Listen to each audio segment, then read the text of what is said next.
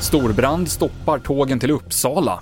Svenska NATO-analysen nästan färdig och ingen babysurf om norska Folkhälsomyndigheten får bestämma. Det handlar om i TV4-nyheterna. Ja, idag satt samtliga riksdagspartier i möte om NATO-analysen som ska presenteras på en presskonferens på fredag. Och det verkar luta åt en svensk ansökan, säger vår politiska kommentator Ulf Kristoffersson. Vi har inget alternativ för hur vi skulle göra om vi inte följer med Finland och eh, ansöker om NATO-medlemskap.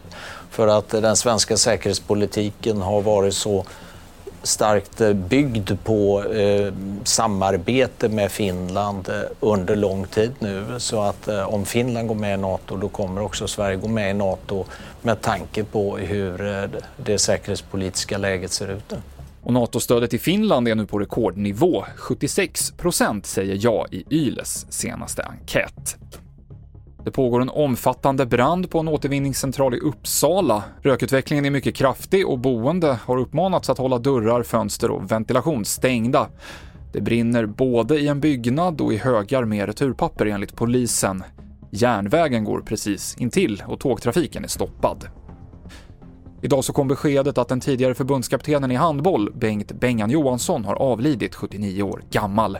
Han nådde enorma framgångar med landslaget och en av de stora profilerna under hans år som förbundskapten var Magnus Wislander. Eh, Bengan var ju en otrolig ledare och eh, en nära vän. Eh, vi hade ett väldigt tajt umgänge under 15, 16, 17 års tid och när en sådan personlighet går i tiden så kan man inte annat än bli ledsen samtidigt som det kommer upp en väldigt, väldigt massa goa och glada minnen.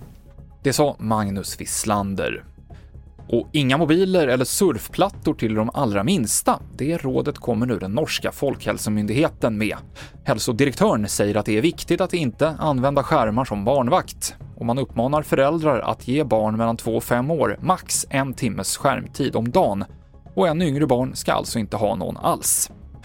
Det avslutar TV4-nyheterna med Mikael Klintevall.